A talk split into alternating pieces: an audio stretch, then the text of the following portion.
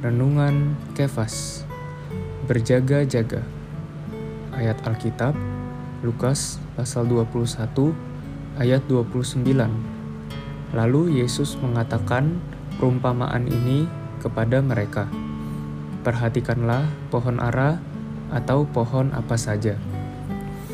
Apabila langit akan menurunkan hujan, selalu ada tanda-tanda dengan langit mendung Waktu kedatangan Tuhan kali kedua juga memiliki tanda.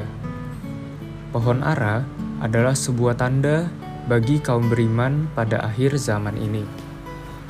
Pohon ara merupakan lambang dari bangsa Israel, umat pilihan Allah.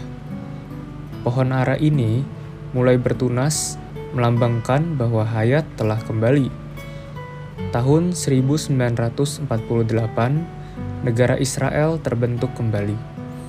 Bangsa Israel telah terserak di mana-mana, tetapi Allah telah berjanji akan mengumpulkan kembali, dan akhirnya tahun 1948 tergenapi.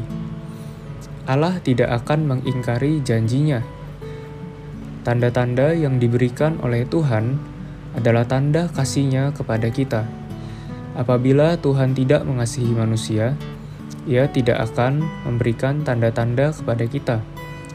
Tuhan akan datang dengan tiba-tiba. Puji Tuhan, melalui tanda-tanda yang telah diberikan kepada kita inilah kita dapat menjadi orang yang berjaga-jaga. Terang hari ini, satu, tanda pohon ara adalah bangsa Israel. Dua, Pohon ara yang mekar adalah tanda orang Israel kembali terbentuk. Poin doa: berdoa agar tidak acuh tak acuh terhadap tanda yang telah Tuhan berikan.